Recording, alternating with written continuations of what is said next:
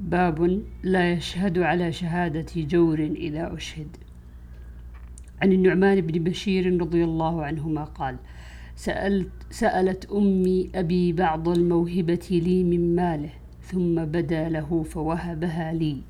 فقالت لا أرضى حتى تشهد النبي صلى الله عليه وسلم فأخذ بيدي وأنا غلام فأتى بي النبي صلى الله عليه وسلم فقال إن أمه بنت رواحة سألتني بعض الموهبة لهذا.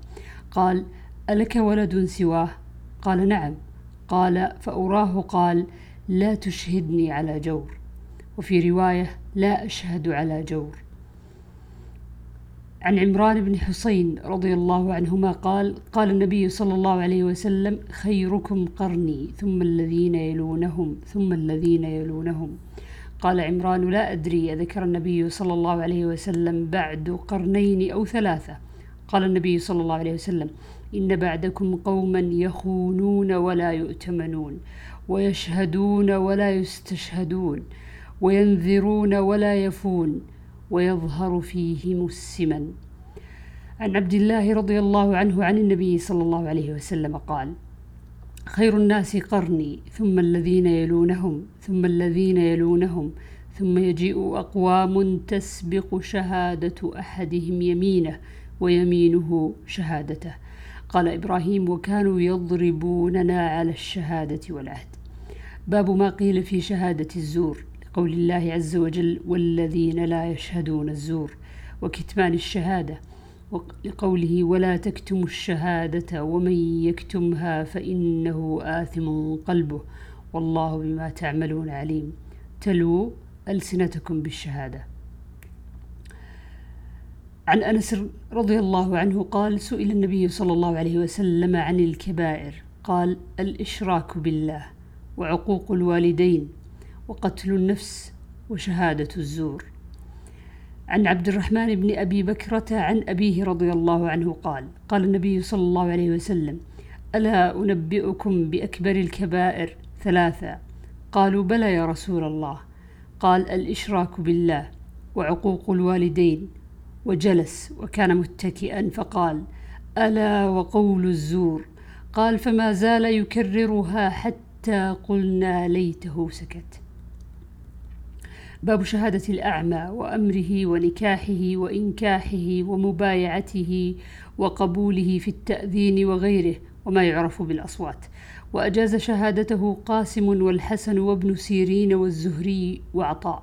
وقال الشعبي تجوز شهادته إذا كان عاقلا. وقال الحكم رب شيء تجوز فيه. وقال الزهري أرأيت ابن عباس لو شهد, لو شهد على شهادة أكنت ترده وكان ابن عباس يبعث رجلا إذا غابت الشمس أفطر ويسأل عن الفجر فإذا قيل له طلع صلى ركعتين. وقال سليمان بن يسار استأذنت على عائشة فعرفت صوتي. قالت سليمان ادخل فإنك مملوك. ما بقي علي مملوك ما بقي عليك شيء.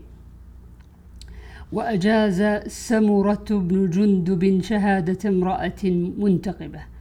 عن عائشة رضي الله عنها قالت سمع النبي صلى الله عليه وسلم رجلا يقرأ في المسجد فقال رحمه الله لقد أذكرني آية كذا وكذا. لقد أذكرني كذا وكذا آية أسقطتهن من سورة كذا وكذا.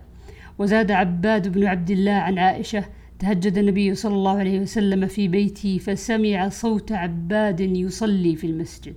فقال يا عائشة أصوت عباد هذا؟ قلت نعم. قال اللهم ارحم عبادا.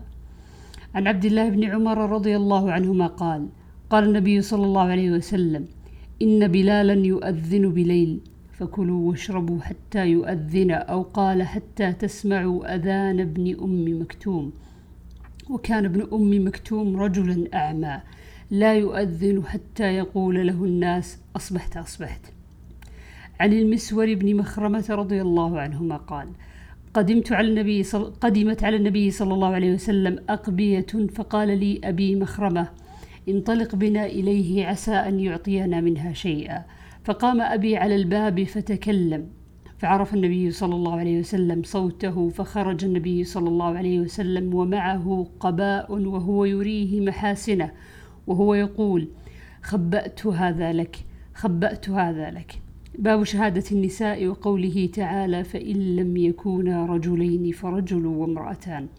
عن أبي سعيد الخدري رضي الله عنه عن النبي صلى الله عليه وسلم قال أليس شهادة المرأة مثل نصف شهادة الرجل؟ قلنا بلى.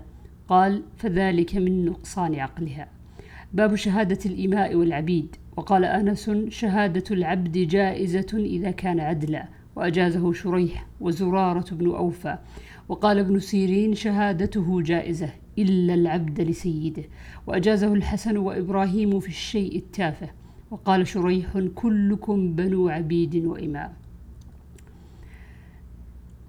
عن ابن جريب عن ابن جريج قال سمعت ابن أبي مليكة قال حدثني عقبة بن الحارث أو سمعته منه أنه تزوج أم يحيى بنت أبي إيهاب قال فجاءت أمة سوداء فقالت قد أرضعتكما فذكرت ذلك للنبي صلى الله عليه وسلم فأعرض عني. قال فتنحيت فذكرت ذلك له. قال كيف وقد زعمت أن قد أرضعتكما؟ فنهاه عنها. باب شهادة المرضعة. عن عقبة بن الحارث قال تزوجت امرأة فجاءت امرأة فقالت إني قد أرضعتكما. فأتيت النبي صلى الله عليه وسلم فقال وكيف وقد قيل دعها عنك أو نحوه.